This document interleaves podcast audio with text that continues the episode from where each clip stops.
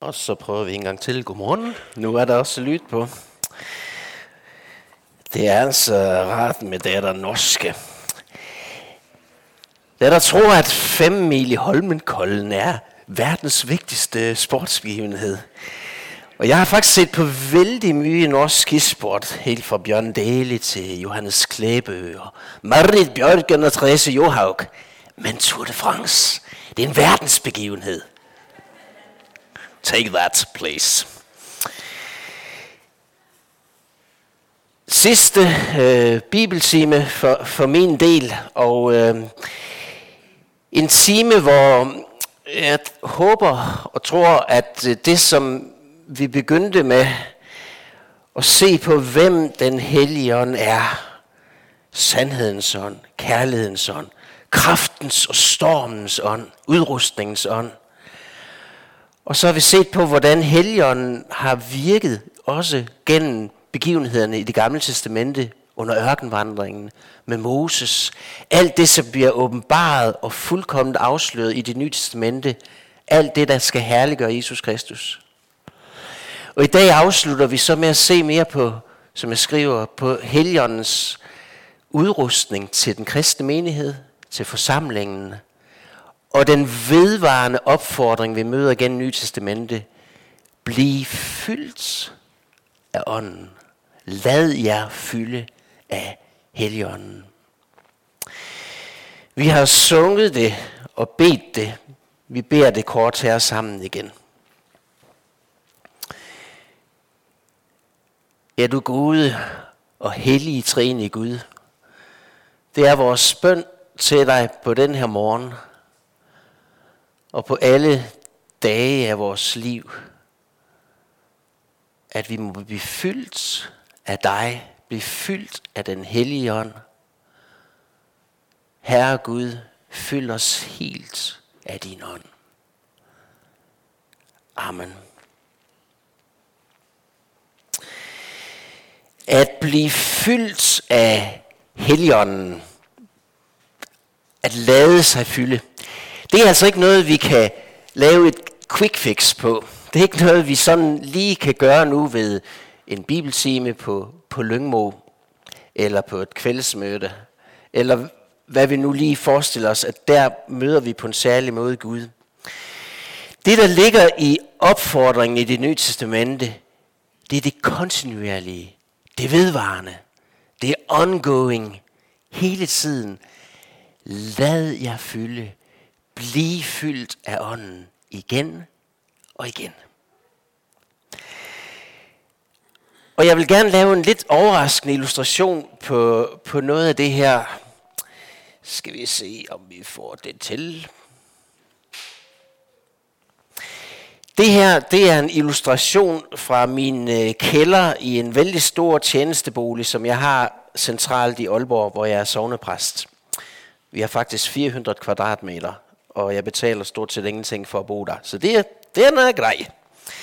Men nede i kælderen, og det nu er det måske lidt vanskeligt at se i lyset her, der har vi øh, haft nogle problemer. Øh, vi har haft, øh, skal vi lige se.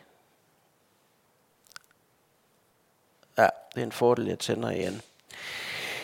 Vi har haft fugt vi har haft, øh, på dansk siger vi skimmelsvamp. Forstår det, eller det? Altså hvis man har for mye fugt og dårligt isoleret og sådan. Hvad hedder det? Sop. Selvfølgelig. Det er en slags sop der. Og ikke den slags, som går an at spise. Og det dumme det er, at der har vist sig at være vandrør heroppe med varmt vand hele vejen ind og sindrige konstruktioner med masser af rørføringer. Men de har aldrig været koblet på fjernvarme, altså det, som er mest vanligt som opvarmning i Danmark. Det varme vand til radiatorer.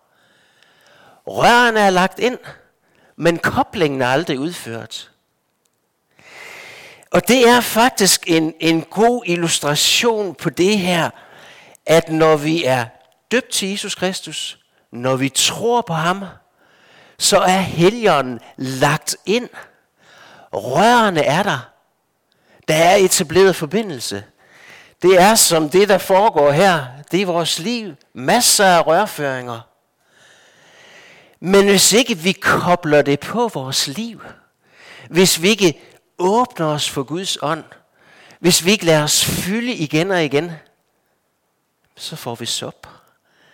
Så bliver det koldt, så bliver det dødt, så bliver det fugtigt. Har vi så travlt med alle vores aktiviteter og kristne idéer og menighedsarrangement, at vi glemmer at koble os på? Eller ved vi så lidt om Guds ånds gaver og Guds ånds kraft, at vi har sådan dogmatikken på plads om Jesu død og opstandelse, frelsen. Men livet med ham, hverdagslivet, kraftsudrustningen, tjenesten, gaverne, det kræver, at vi er koblet på Helligånden. Det er altså ikke spørgsmålet, om vi har fået Helligånden eller ikke fået Helligånden, men det er spørgsmålet om, hvor meget lader vi os fylde? Står vi åbne over for, hvad han vil give os?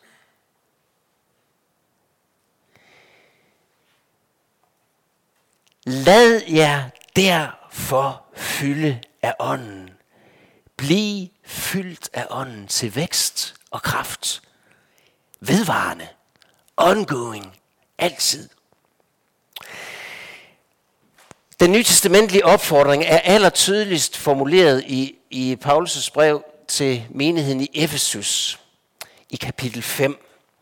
Og vi læser sammenhængen der. Vær derfor ikke tåbelige, men forstå, hvad der er Herrens vilje. Drik jer ikke beruset i vin. Det fører til udskejelser. Men lad jer fylde af ånden. Tal til hinanden med salmer, hymner og åndelige sange. Syng og spil af hjertet for Herren. Og sig altid Gud Fader tak for alt i vor Herre Jesu Kristi navn. Hvordan undgår vi at være tåbelige, uvidende? Hvordan forstår vi, hvad der er Herrens vilje? Hvordan lader vi os fylde af Guds helligånd? Ja, Paulus peger i hvert fald her på tre ting, som er afgørende for menigheden dengang, og for os i vores menigheder i vores kristenliv i dag. For det første så peger han på vores livsførelse, på vores etik, hvordan vi lever. Vær derfor ikke tåbelige. Og så nævner han som det første, drik jer ikke beruset i vin. Altså han nævner den forkerte brug af spiritus. Og det er jo næsten morsomt, at ordet spiritus, det er jo det fra latin, vi også kan oversætte til ånd. Hellig ånd. Men det kan også være alkohol. Spiritus i den betydning. Drik jer ikke beruset i vin, det fører til udskejelser, men lad jer fylde af ånden. Jeg kan ikke lade være med at tænke på den kraftige bølge af MeToo, som vi har haft de senere år, begyndende med, med filmindustrien Hollywood i USA, og så voldsom bølge i Europa, i Danmark og i Norge. Oh, hvor var der mange politikere, som ville have fået et længere politisk liv, hvis de havde levet efter Guds ord. Fordi utrolig mange seksuelle krænkelser er kommet i kølvandet på at være beruset. Hvor var der mange i bestyrelser og ansvarsposter, som ville have bevaret tilliden, hvis de havde fulgt Nytestamentets formaninger. Træk jer ikke fulde. Vær ikke beruset, men følg jer med ånden. MeToo vil svinde ind, hvis vi tog Nytestamentets formaninger på alvor. Og der er vel at mærke jo ikke i, i Bibelen, og jeg ved, vi har forskellige sådan fromhedstraditioner, men det at drikke vin eller spiritus, det er jo i Bibelen ikke forkert. Ikke på nogen vis. Vin står som symbol på glædens strik, Guds gode gave. Men som alle andre gaver, kan det blive til noget godt, eller blive til misbrug. Og det, som apostlen Paulus her formaner om, det er jo ikke, alle skal være afholdsfolk. Det kan være godt for nogle af os. Det kan være godt i en bestemt tid, hvor det er det, der er hovedproblemet. Men den generelle anbefaling er, jamen nyd glæden, strik vinen. Ja, Timotius bliver endda opfordret til at drikke vin. Det er godt for hans dårlige mave. Men det, som står fast, det er, drikker ikke beruset. Gå ikke til yderlighed, for det fører til udskejelser. Det, går, det bliver til synd, det bliver til løgn, det bliver til alt muligt negativt. Det første, Paulus peger på, for at vi kan lade os fylde af ånden, det er altså vores etik, vores livsførelse. At vi må leve i Guds lys med hele vores liv. Det gælder pornografi, som vi snakkede om i går. Det gælder øh, alkoholbrug, som jeg nævner nu. Men det gælder jo i den grad også vores pengeforbrug. Er vi materialister i den kristne menighed? Hvor store er vores biler? Hvor dyre er vores ferier? Hvor meget er der sådan småløgne, som får lov at foregå? Hvor meget misundelse er der? Vi har så let for at tænke, liv i lyset, kristen etik, det handler om sex, det handler om sex. Nej, det er hos Paulus vældig ofte magtmisbrug eller brug af penge. Og udfordringen er her, lev i lyset med hele vores liv. For vores synd kan udslukke åndens kraft. Lad jer derfor fylde af ånden. Eller som den svenske pinseforfatter Peter Haldorf siger i den her sammenhæng, drik dybt.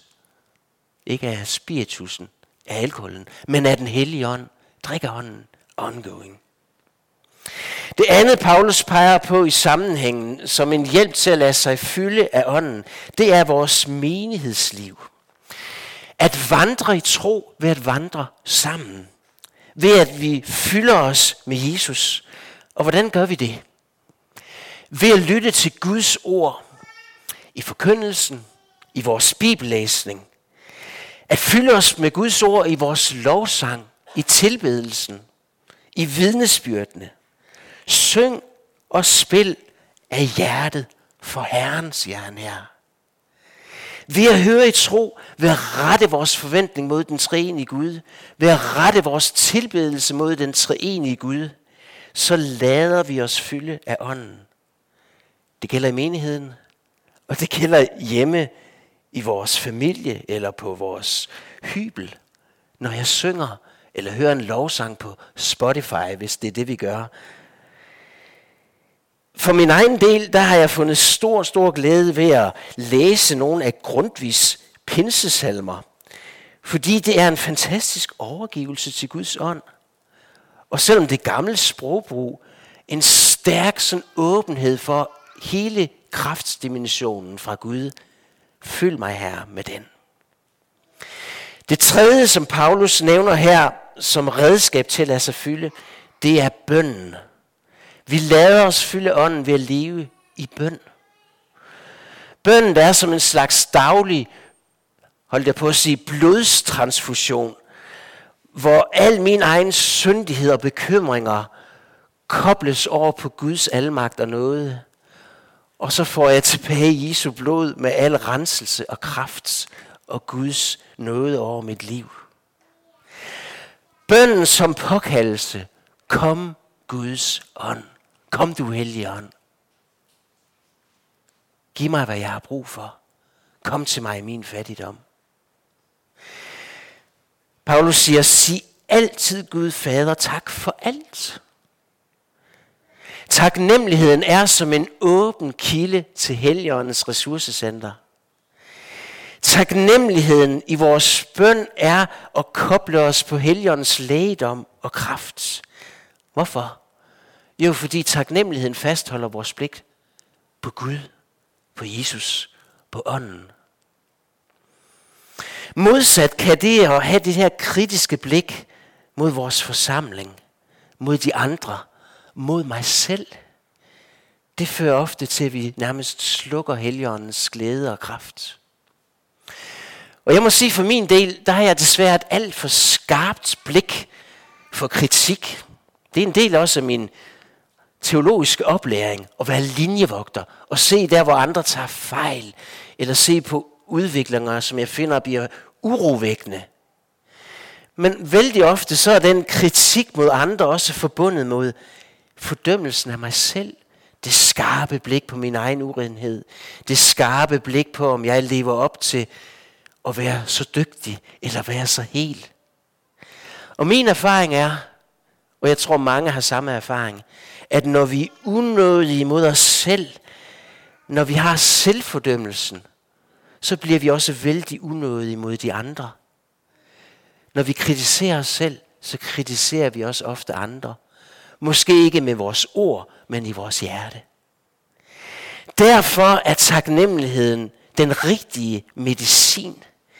For selvkritikken og selvfordømmelsen, det er slet ikke det samme som den positive og nødvendige syndserkendelse. Selvfordømmelsen er aldrig konstruktiv.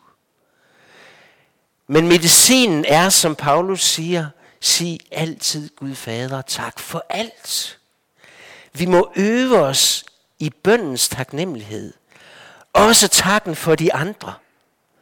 Syng og spil af hjertet for Herren. Jeg har bare taget med her nogle illustrationer af det at synge og spille. Det her det er det store kirkeovl, vi har i Jans kirken i Aalborg. Her er det sådan øh, nyere lovsangsmusik. Det kunne jo også være piano, som vi har her. Eller det kunne være alle instrumenter. Bibelen bruger jo vældig mange instrumenter, som var passende for den tids kultur. Så har man op gennem kirkens historie brugt mange forskellige instrumenter. Og vi har en fromhedstradition, hvor vi måske tænker, det er det rigtige. Jeg har bare lyst på at pege på, at lige så forskellige vi er som mennesker, lige så forskellige vores psyke er, lige så forskelligt tror jeg, det er vigtigt, at vi også tilbeder og lovsynger. Ja, alt godt kan blive for, forkert og misbruges, men som udgangspunkt være åben.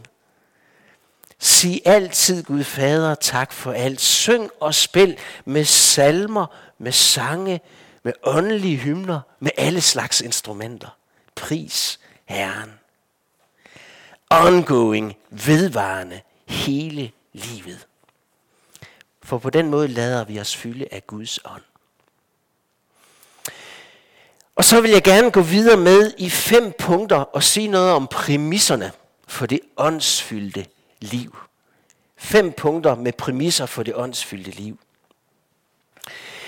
Det første punkt handler om, at Helligånden hjælper os til at tro, at vi er Guds børn. At være Guds barn. Og prøv at høre her. Vi har ofte brugt udtrykket, vi kender det, vi er Guds børn.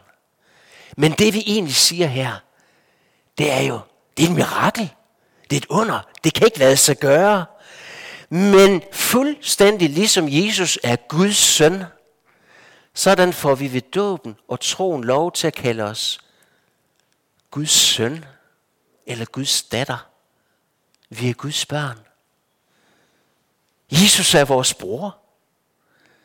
Den suveræne himmelske hellige Gud er far, vor far, du som er i himlen. Han er daddy. Om Jesu fødsel hedder det jo, at faderen sendte heligånden den højeste kraft, som overskyggede Jomfru Maria. Og så blev Guds søn Jesus født. Skal vi blive Guds børn, så kræver det derfor på samme måde også en ny fødsel, en genfødsel, at blive født ovenfra. Og det er jo præcis det, som Jesus siger til Nikodemus i den natlige samtale. Den, der ikke bliver født på ny, kan slet ikke se Guds rige. Den, der ikke bliver født af vand, altså dåb, og af ånd, heligånd, kan ikke komme ind i Guds rige. Hvad sker der, når man bliver født?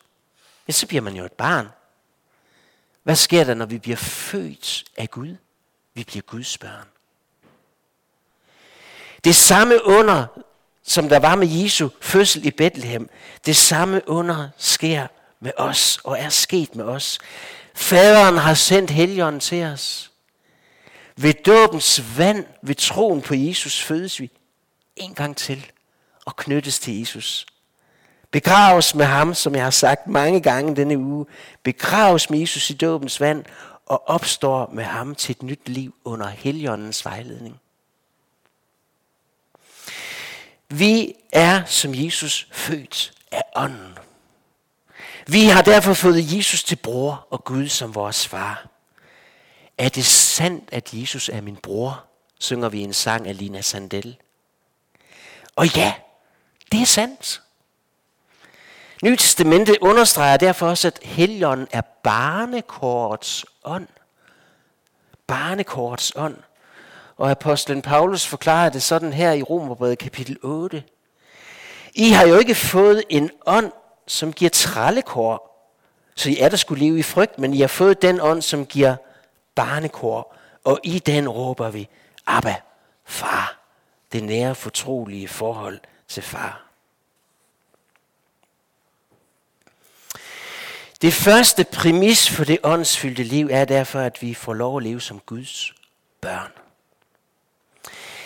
Det næste handler om, at i det åndsfyldte liv hjælper Helligånden os dag for dag til at tro på Jesus. For sandhedens ånd vejleder os om, hvem Gud er og hvem vi selv er.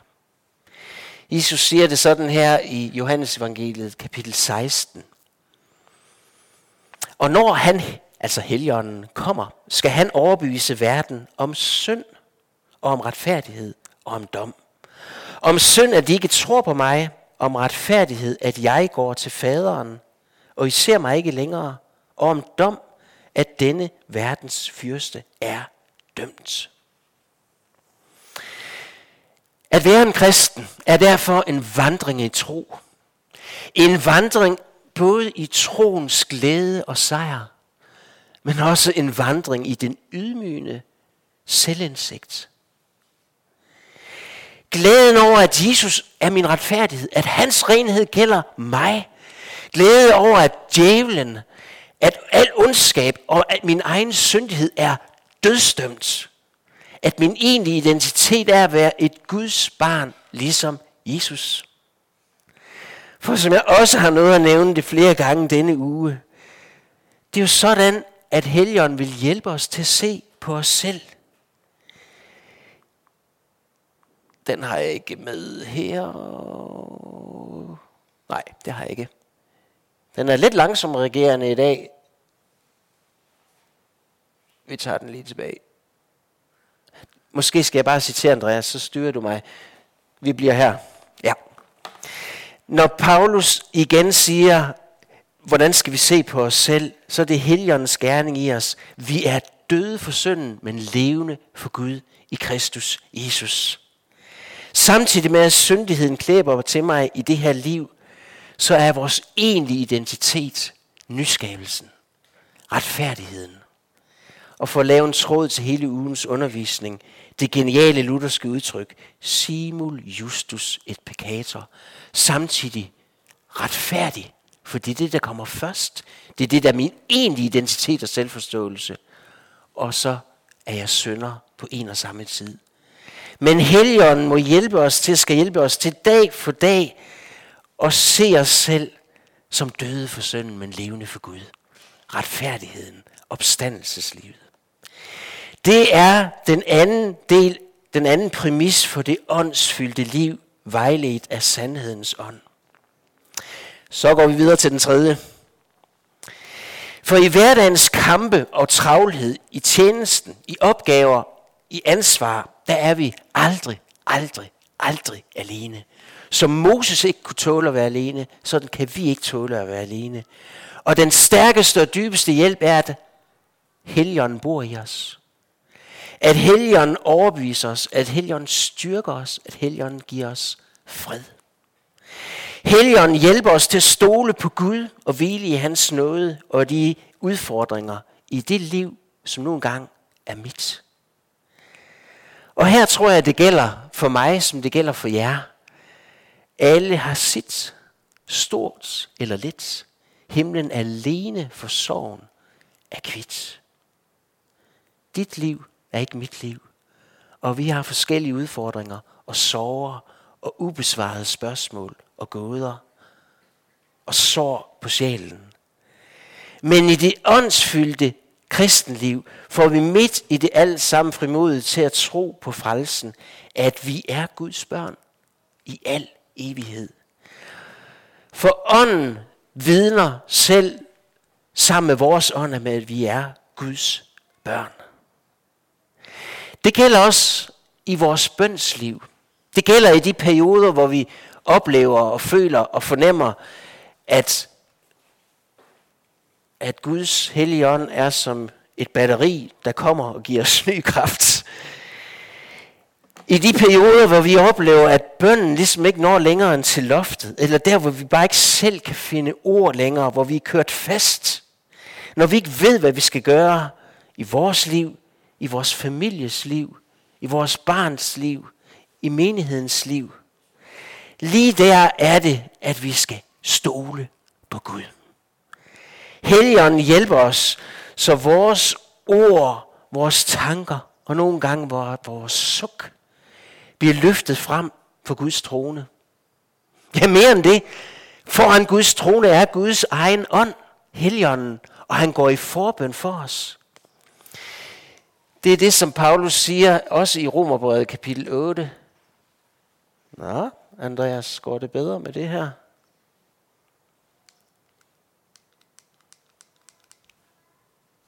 Du trykker.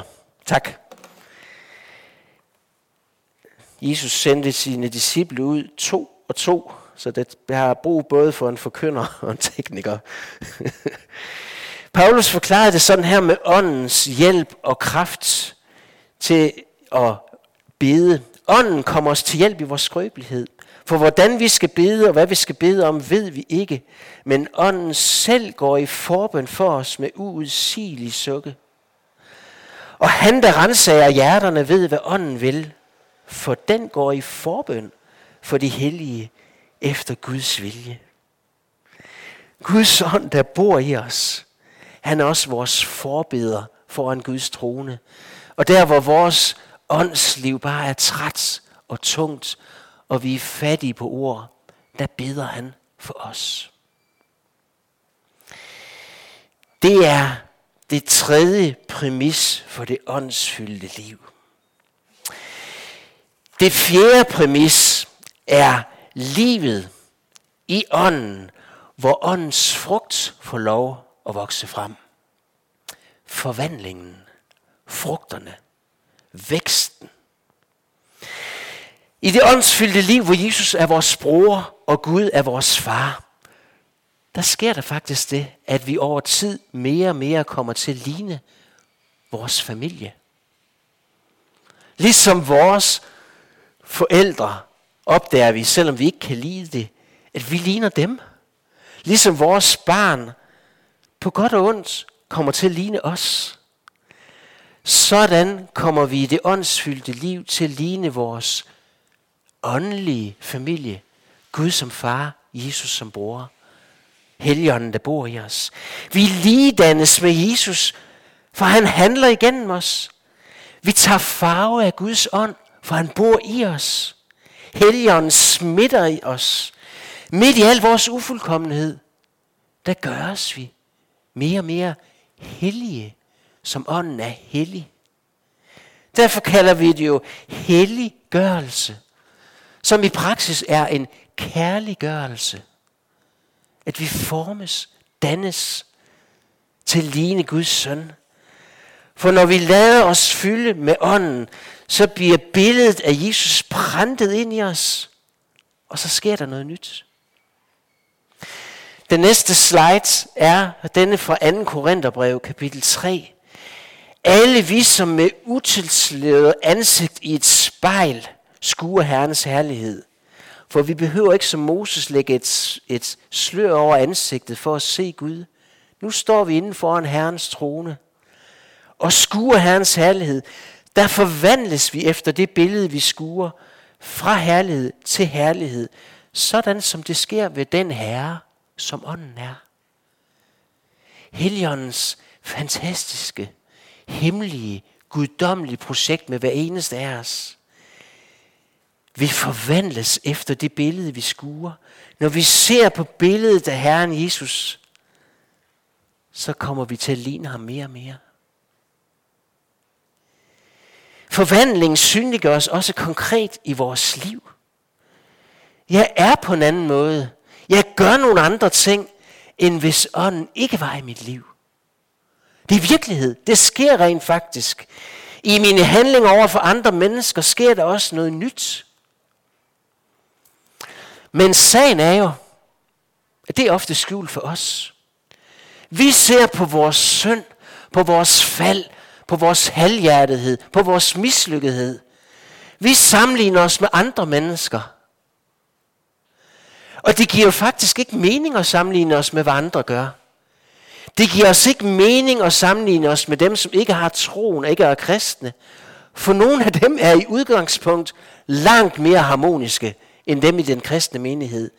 Nogle af dem, der ikke er kristne, er i udgangspunktet langt mere tålmodige og kærlige og omsorgsfulde end mange af os.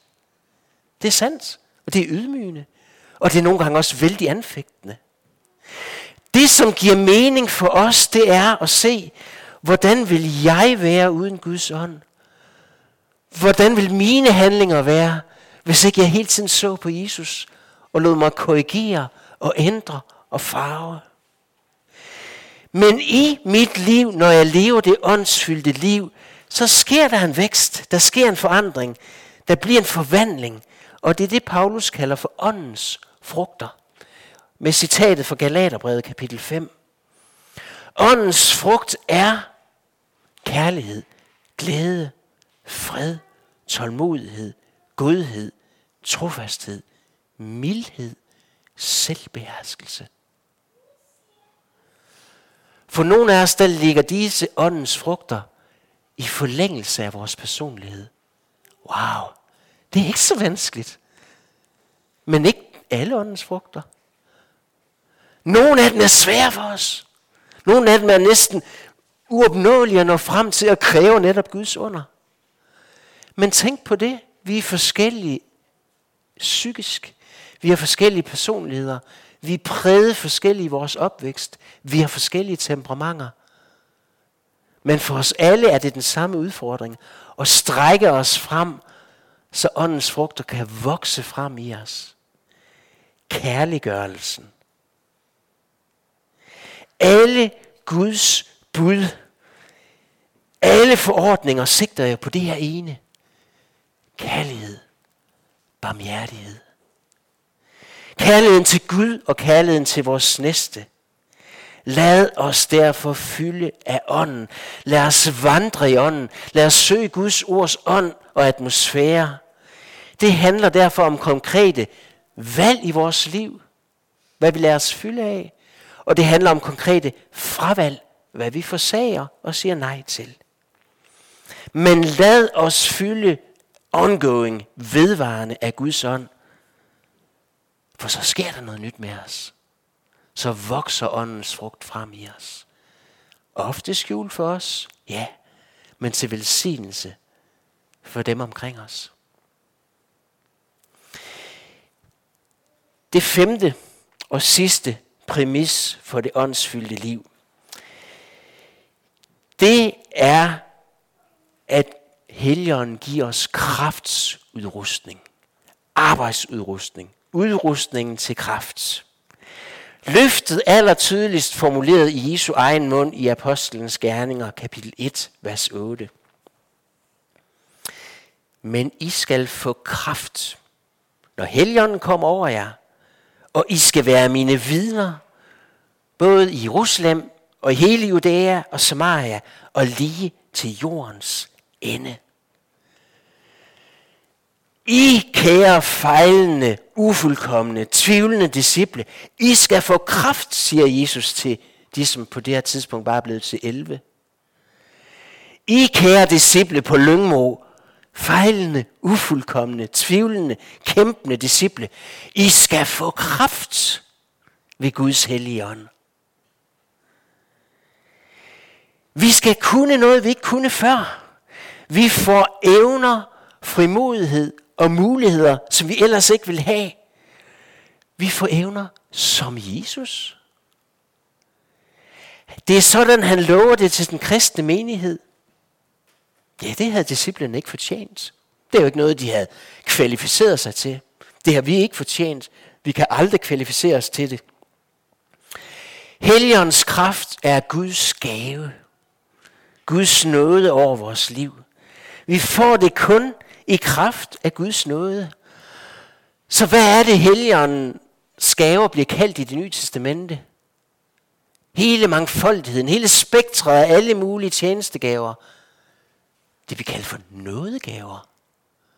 Gaver givet til os af Guds nåde. Og ordret på græsk, der hedder det faktisk karisma. Som kan også oversættes gavn, noget virkning i vores liv og i menighedens liv. Det er karisma.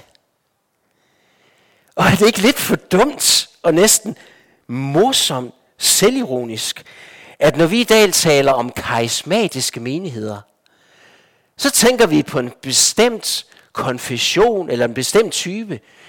Dem, der løfter hænderne højt, pinsevennerne, eller de karismatiske forsamlinger med en type for rytmisk lovsang, eller en type for praktisering af bønden om helbredelse. De karismatiske. Vi har brug for at generobre ordet karisma.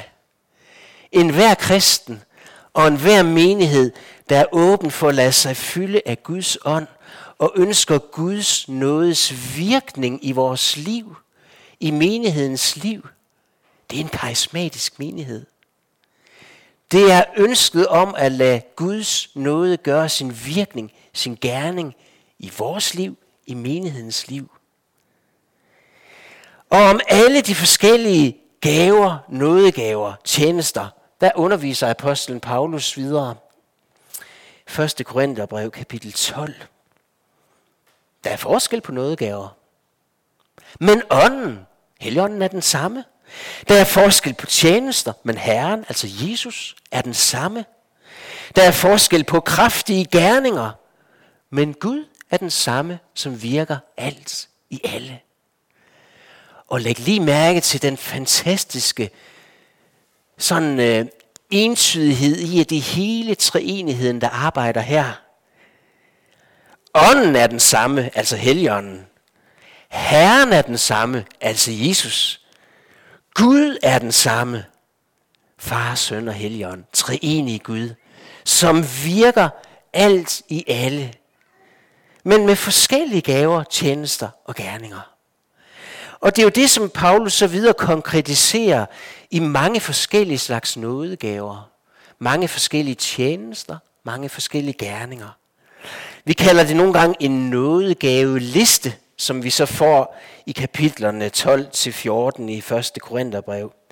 Vi har også en nådegave-liste i 1. Peters brev. Men jeg er overbevist om, at det ikke er udtømmende lister, beskrivelser af alle åndens nådevirkninger og gaver til den kristne menighed. Det er bare eksempler på dem, der er virksom på Nytestamentets tid. Og som konklusion på alt dette med Helligåndens udrustning og gaver, så siger Paulus jo, jag efter, jag efter kærligheden, kærliggørelsen, og stræb efter åndsgaverne, stræb efter nådegaverne. Jeg tror nogle gange, at vi i vores tradition er blevet vældig, vældig defensive. Vi ser på de menigheder, hvor det bliver too much, hvor man er mere optaget af alle mulige tegn og gerninger, end af Jesus Kristus. Men hvis vi skal være bibelske og bibeltro, så skal vi gøre det, Paulus siger her. Stræb efter nådegaverne. Ja efter kærligheden. Lad jer fylde af Guds ånd. Jeg har lyst til at anbefale to bøger, som giver en fantastisk undervisning om åndens gaver og kraft, og om åndens frugter og vækst. Nu skal jeg lige se, om pilen virker. Ja, den her virker fint. En norsk nordmand, Oddvar Sjøvik, skriver bogen Strømmer af levende vand. Om åndens liv, frugt og gaver. Og så har vi den danske teolog og sovnepræst Jørgen Jørgensen, som stort set lærer af Otvar Sjøvik og skriver denne bog på dansk om nådegaverne i brug. De er ikke ens, men samme grundlæggende, genuine, sunde, lutherske heligåndsteologi. Og det, som særligt bliver, synes jeg, vældig, vældig spændende og nytænkende, også for mig selv, det er en model, som Otvar Sjøvik indfører, som vi har her. Nytestamentets undervisning om Guds ånd, den hellige ånd. Så siger han så stærkt og flot, at der er der ligesom to søjler, eller to virkninger af Guds ånd i vores liv og i vores menighed. Det ene handler om væksten. Det som vi også kalder for helliggørelsen. Eller vi kalder for åndens frugter. Det er Kristus egenskaberne. Altså mildheden, tålmodigheden, kærligheden. Egenskaber som Jesus Kristus. Hvordan vokser de frem i vores liv, i vores menighed? Det sker ved dåben. Det sker ved den vedvarende deltagelse i den hellige nadver, hvor vi forenes med Jesus, han i os, vi i ham. Det sker ved bønden. Det sker ved at lytte til Guds ord i forkyndelsen, eller læse i Bibelen hjemme. Det sker i menighedens fællesskab, hvor vi lytter til hinandens vidnesbyrd, kampe, tvivl, trosglæde. Og om helgenen gælder det i hele den her vækstdimension, at vi bedrøver helgenen, når vi er ulydige. Vi kan volde den helligånds sorg. Og derfor er den vedvarende udfordring. Lad jer fylde af ånden. Til vækst, til helliggørelse, til frugt. Men så er der også den anden dimension. Kraftsdimensionen. Helligåndens skærning og virkning i os, i menigheden. At vi dygtiggøres, at vi udrustes, at vi får kraft til tjenesten. Det handler om åndens gaver og nådegaverne. Det er så at sige Kristus evner at forkynde profetisk, at helbrede, at berøre med kærlighed, eller tale i tunger med den gave, som ånden giver til nogen af os. Hvordan vokser kraftsdimensionen og udrustningen frem? Jo, ved at vi retter vores tro og forventning mod den hellige treenige Gud. Ved at bede om åndens gaver. Stræb efter åndens gaver. Kom Guds ånd, giv mig, hvad jeg har brug for til min tjeneste. Kom Guds ånd, giv vores menighed og forsamling, hvad vi har brug for til vores tjeneste. Og den nytestamentlige praksis, som mange i kirkestøjen også har gjort brug af, det er, når der er en særlig gave, vi ikke har, men længes efter og har brug for i vores fattigdom, så bed om det med håndspålæggelse. Det skal vi ikke gøre for ofte, siger Paulus, men nogle gange er det det helt rigtige, hvor vi med frimodighed må gøre det. Kraftsdimensionen, nådegaverne, er situationsafhængige.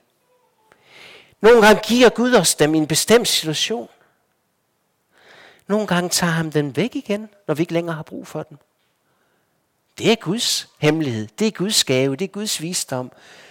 Men vi skal stræbe efter kraftsdimensionen. Efter at blive fyldt af kærlighed og få evner som Jesus Kristus. Men om helligånden gælder det jo. Paulus siger, udsluk ikke Guds ånd. Udsluk ikke ånden.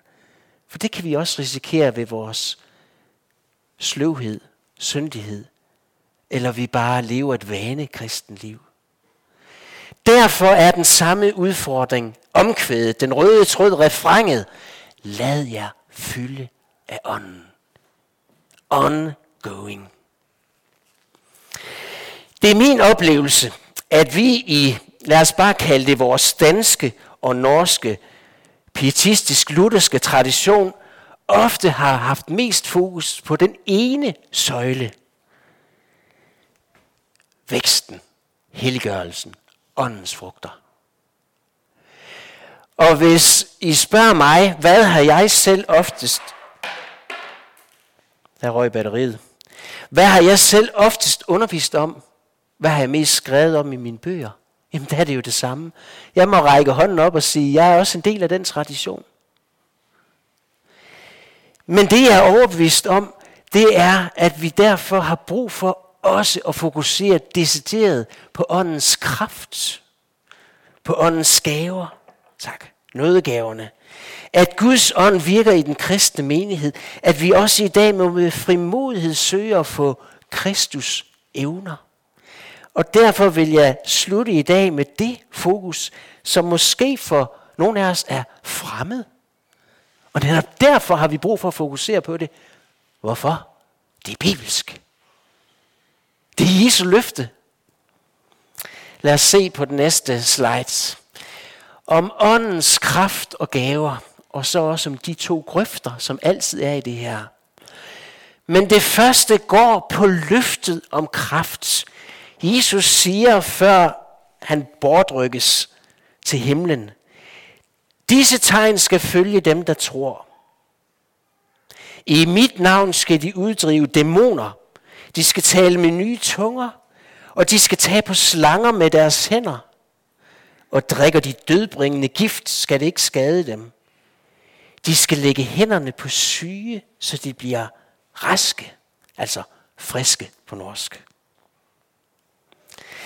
Det er tegnene, der følger dem, der tror. Disse tegn skal følge dem, der tror. Hvordan forholder vi os til så frimodige løfter fra Jesu egen mund? Jo, vi skal først og fremmest høre det som løfter. Løfter givet til den kristne menighed. I Jesu navn, på Jesu mandat, skal Guds kraft udfoldes i vores svaghed. Vi har ikke alle fået den samme gave. Nej, men vi har fået den samme herre. Vi har ikke alle den samme tjeneste. Nej, men vi har samme herre. Dette gælder alle nådegaverne, alle virkningerne af Guds nåde i vores liv, i vores menighed. Og løfterne er jo givet til Guds verdensomspændende kirke ud over jorden. Så det er jo ikke sådan heller at forstå, at jeg i mit liv er blevet lovet, at jeg skal have alle Guds kraftige nådevirkninger i mit liv.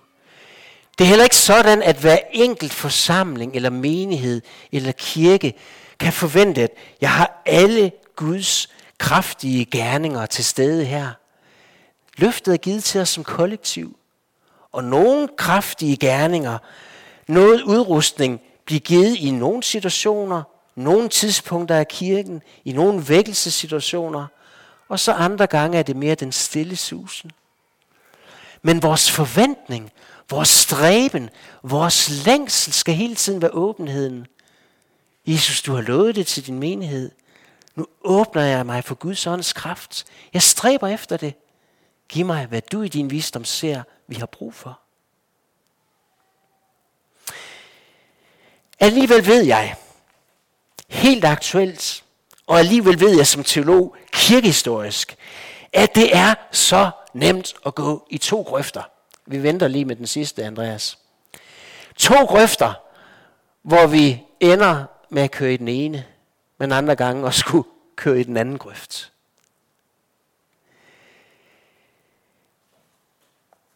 Sådan har det altid været. At betoningen bliver for ensidig. At man ikke bliver helt bibelsk. Og så ender man med at køre i en af grøfterne. Sådan var det også helt konkret i vores, på vores reformationstid med Martin Luther. Hans teologi blev udformet i en meget, meget konkret kamp, som altid havde to fronter, to grøfter, to sider, hvor man kunne betone det ene for meget.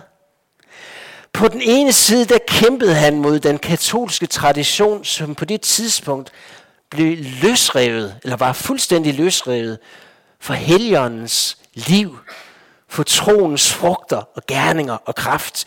Det var død tradition. Men på den anden side, så blev der i reformationens sådan øh, spor og følge et overåndeligt, overåndeligt sværmeri, fokus på følelser og helligånd, sværmeri, løsrevet for Bibelens vejledning. Alle skal gendøbes. Vi skal hellige os Guds kraft. Sværmeri, hvor Luther bruger et rigtig groft skældsord. Han kalder dem sværmerånder. Det lyder endnu bedre på tysk. Svamgeister. Det kan man godt sige, når man bliver meget sur. Du bist ein Schwammgeist. Det lyder altså noget. En sværmerånd løsredet fra Bibelens vejledning, hvor det bliver fokus på åndens kraft og gerninger, og ikke på Jesus. Men sagen er jo, sådan som jeg oplever det, at vi som kirke i dag har nøjagtigt de samme to grøfter. De samme to fronter. Lad mig prøve at gøre det konkret. Den ene grøft er der, hvor vi har glemt forventningen til Guds indgreb. Hvor Gud bliver tradition, men ikke en levende Gud, der griber ind i vores liv. En elskende og nogle gange farlig Gud. Det overnaturlige bliver kaldt det overtroiske. Helligåndens kraft bliver fortolket, måske i symboler som kærligheden mellem mennesker, eller glæden over forårsblomsterne, vårblomsterne i naturen, forårssolen, der varmer mit ansigt. Kristendom kan blive til noget rationalistisk, en livsfilosofi, en livstydning, men ikke som den personlige trosrelation til Jesus Kristus, discipleliv. De tegn, der skal følge de troende, hvis man overhovedet taler om det, så bliver de i bedste fald, i bedste fald tolket som noget, det var kun det, der galt på Jesu tid, den første kirke. I dag er det anderledes. Derfor bliver gudstjenester og møder, møder stivnet, ender op som kulturarrangementer eller traditioner. For at være selvkritisk, og for at sige noget om den tjeneste, jeg selv står i generelt, tidligere i en norsk statskirke, nu i en dansk statskirke, folkekirke, så er jeg frygtelig ked af det, men jeg må sige, det er det billede, jeg oftest møder her. Kultur, tradition, de debatter, jeg kan læse i Vort Land eller i Kristelig Dagblad, ofte uden den her levende forventning til åndens indgriben, disciplelivet, bibeltroskaben, lydigheden, åndens gerning. På dansk har vi ordsproget ordtarget, det er ikke godt at kaste med sten, når man selv bor i glashus. Kender vi det på norsk også? Og derfor må jeg også ofte igen og igen spørge mig selv, og spørge mine to præstekollegaer i Ansgarskirken, er vi også ved at risikere at gå i den tradition? For det folkelige kirkelige påvirker os, det statskirkelige påvirker os. Men på samme måde vil jeg spørge jer fra missionssambandet i Norge, i den konservative del, højrefløjen på missionssambandet. Er der i jeres menigheder, i jeres forsamlinger, i jeres bedehuse, også en tradition for at være tættest på denne grøft? Vi gør jo meget, som vi plejer. Mødeprogrammet bliver fyldt op. Der kommer en prædikant udefra og siger de rigtige ting om synd, om noget, om frelse, og så drikker vi kaffe. Jeg sætter det på spidsen. Jeg provokerer. Jeg ved det. Det kan blive så trygt og godt, og vi kender det i slægt efter slægt. Men vi må spørge hinanden, hvor er åndens kraft og liv og det uventede? Hvor er kraftsdimensionen? Hvor er forventningen til forkyndelsen, til åndens gaver, stræber vi som kollektiv, som menighed efter alle gaverne? Eller gør vi lidt, som vi plejer? Når vi ser på kirkens 2000 år, så er kirken med mellemrum gået i denne grøft. Og måske står vi hele tiden i fare og i risiko for at gå i denne grøft.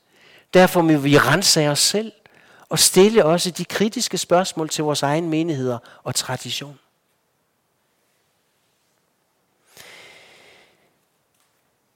På den anden side, så er der også den anden grøft. Den modsatte grøft. Som også med jævne mellemrum er dukket op gennem kirkens lange historie, og som jeg også helt konkret genkender i dag. Der, hvor man fokuserer på det at være kristen, er at leve det sejrende liv. Det er fuldkommende liv i heligåndens kraft. Jeg får lov at aflægge synden. Jeg lever i ny lydighed. Alle kristne skal tale i tunger. Alle kristne skal få helbredelsens gave. Alt i livet bliver på en eller anden måde sort eller hvidt. Enten er det fra Gud, eller så er det dæmonisk. Alt bliver sat på spidsen. Noget af den, kan man sige, form for åndshistorie, det kender vi jo i strømningen som en følge af noget af den karismatiske vækkelse på 70-tallet. Og vi kender det jo også meget konkret i dag i superkarismatiske miljøer. I USA, i Sydamerika, i Sydkorea, men så sandelig også i Danmark og i Norge. Igen, hvis jeg våger at sige det lidt på spidsen, provokerende, så er sådanne menigheder jo næsten altid kendetegnet ved en enkelt prædikant eller forkynder, som nogle gange også bliver kaldt for en apostel, som skal viderebringe Helligåndens sejrende liv til menigheden. Og pointen er, at vi skal leve ligesom vi gør, eller ligesom de gjorde i apostlenes gerninger. Det er ikke nok at være barnedøbt. Vi skal døbes igen. Og så kan vi leve i fuld lydighed, næsten uden synd. Ofte fokuseres der på uddrivelse af dæmoner for at blive helhjertet. Ofte er forventningen, at så skal det umiddelbart demonstreres og vises ved, at vi kan helbrede mennesker ved at lægge hænderne på dem og bede for dem. Nogle af de bevægelser, menigheder og forsamlinger er vældig aktive også på internet. Og vi kan se hundredvis af vidnesbyrd om helbredelser, som bliver vist på videoerne. Bare et små klik på internettet. I hvert fald er det til sydenladende, det der sker. Ja, nogle gange virker Gud også gennem det. Men jeg vil gøre opmærksom på, sådanne helbredelser i de her forsamlinger, på store stævner, eller på strøget og gågaden i Oslo, eller København, eller Aalborg. Vi ser jo ikke dokumenteret, at de bagefter går til lægen og får det bekræftet. Vi hører ikke vidnesbyrdet om, hvad skete der efter et halvt år. Men jeg vil også sige, uanset om helbredelserne sker eller ej, så er det lige meget. For det, som er afgørende for den kristne menighed, det er jo, at Jesus siger, at nøjagtigt de samme tegn, der skal følge hans disciple, de samme tegn skal følge de falske disciple. Prøv at se, hvad Jesus siger i Matteus evangeliet kapitel 7. På dommens dag, siger Jesus, vil mange sige, Herre, Herre, har vi ikke profeteret i dit navn? Har vi ikke uddrevet dæmoner i dit navn? Og har vi ikke gjort mange mægtige gerninger i dit navn? Og der vil jeg sige dem, som det er. Jeg har aldrig kendt jer. Bort fra mig, I som begår lovbrud. Den aller, aller hårdeste dom. Jeg har aldrig kendt jer, selvom det er gjort i mit navn. Der er to røfter. Der er to slags løfter. Der er to slags advarsler. Det kommer fra samme mund, fra Jesu mund. De tegn, der skal følge dem, der tror den kristne menighed, disciplene, dæmonuddrivelsen, tungetalen, miraklerne, helbredelserne. De samme tegn kan blive til vranglære og misbrug. At profetere, selvom det endda sker i Jesu navn, at uddrive dæmoner i Jesu navn, helbrede i Jesu navn. Og så siger han, jeg har aldrig kendt jer. Det gør det utrolig vigtigt og krævende at balancere og være tro, bibeltro, bibelsk mod alt, hvad Jesus siger. Og det afgørende med alt det underfulde og kraftfulde gerninger og mirakler og helbredelser, det er ikke om det virker, om det nytter. Men det er at spørge, er det sandt? Er det sundt? Er det Jesus, der får æren? Hvad er centrum i de her menigheder, på de her stævner, i de her bevægelser? Er det Jesus, som herliggøres, eller er det mennesker, prædikanten, helbrederen, apostlen? Er det Jesu kors og opstandelse, der står i centrum, eller er det de ydre mirakuløse tegn? Det er lakmusprøven, det er testen.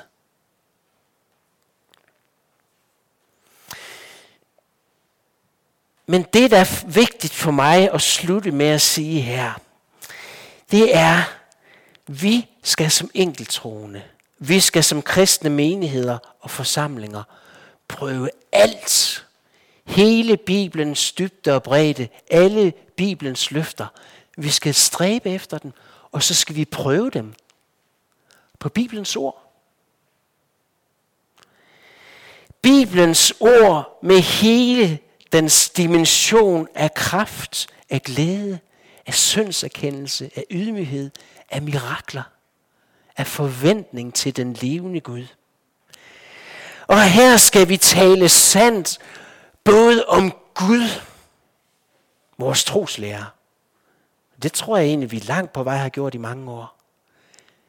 Men vi skal også tale sandt om det at være menneske. Integreret menneskeliv med intellekt, med sårbarhed, med arbejdsliv, med familieliv.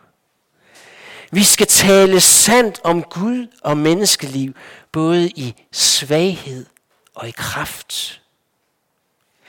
Og jeg tror, det er vigtigt, at vi som konservative menigheder, som konservativ kirke, også våger at lade os udfordre af det, vi ofte så kalder de karismatiske bevægelser, selvom de ikke skal eneret på ordet. Vi skal ikke lade os skræmme af det, som for nogen bliver et overdrevet og fejlagtigt fokus på tegn og ydre under.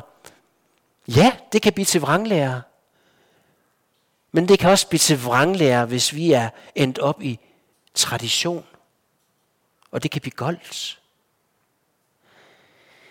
Vi må længes efter Guds ånd med alt, hvad han vil give os i hele vores liv.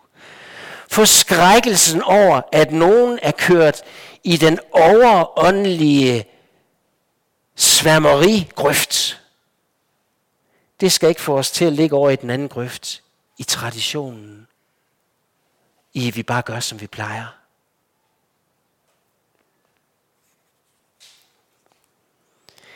Hvorfor er det, Jesus giver sin menighed kraft? Hvorfor er det, han lover heligåndens udrustning og glæde?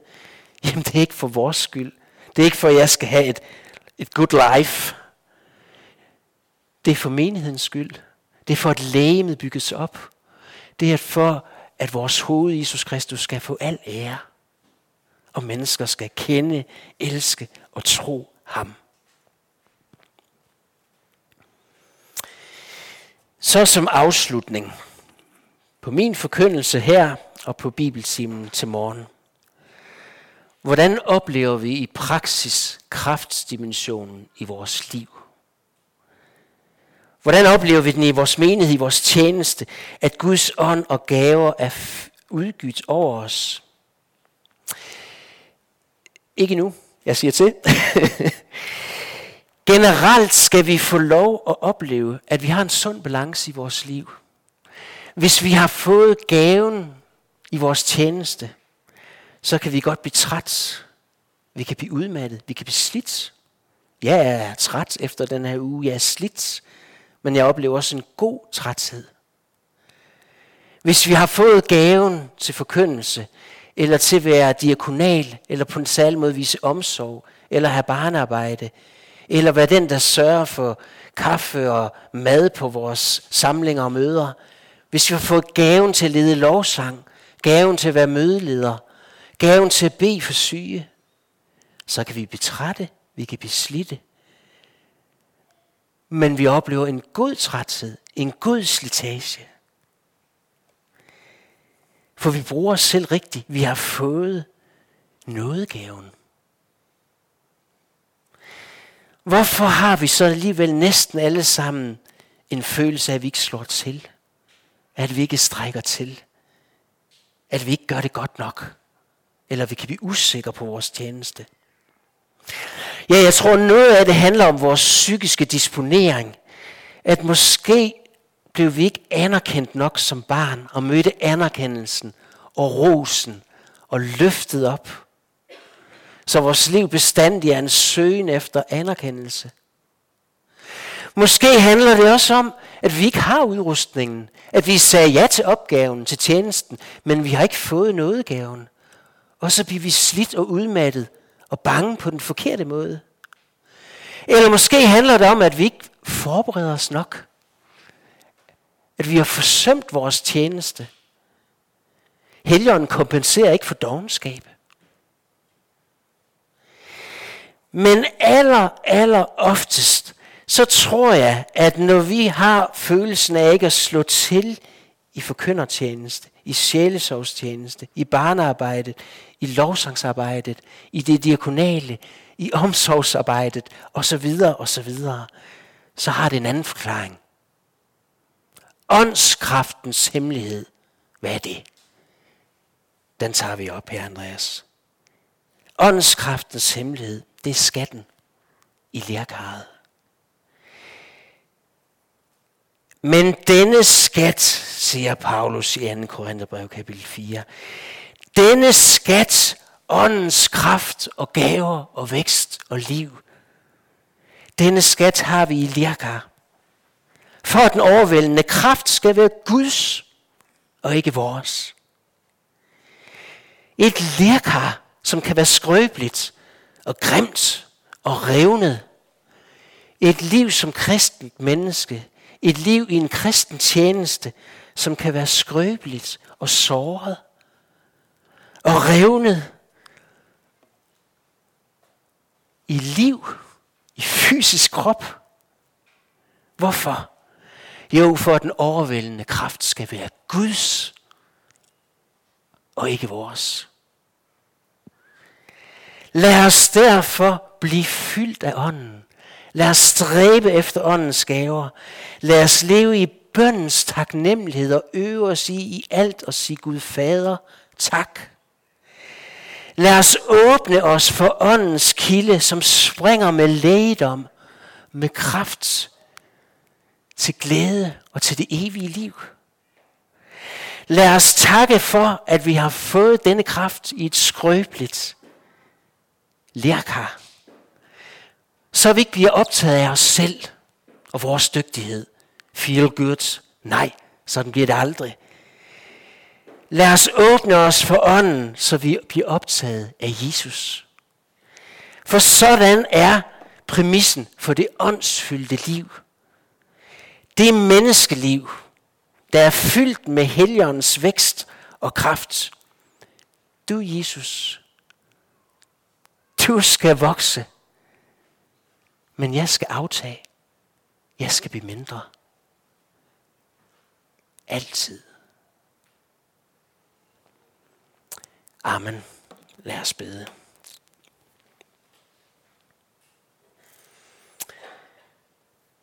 Kom du Guds ånd. Kom Helligånd. Krafts, kærligheds og besindighedsånd sandhedsånd, trøstens ånd, barnekorts ånd, miraklernes ånd.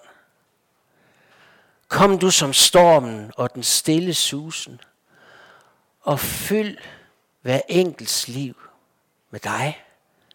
Fyld hver enkelt forsamling, menighedsliv, kirkesliv med dig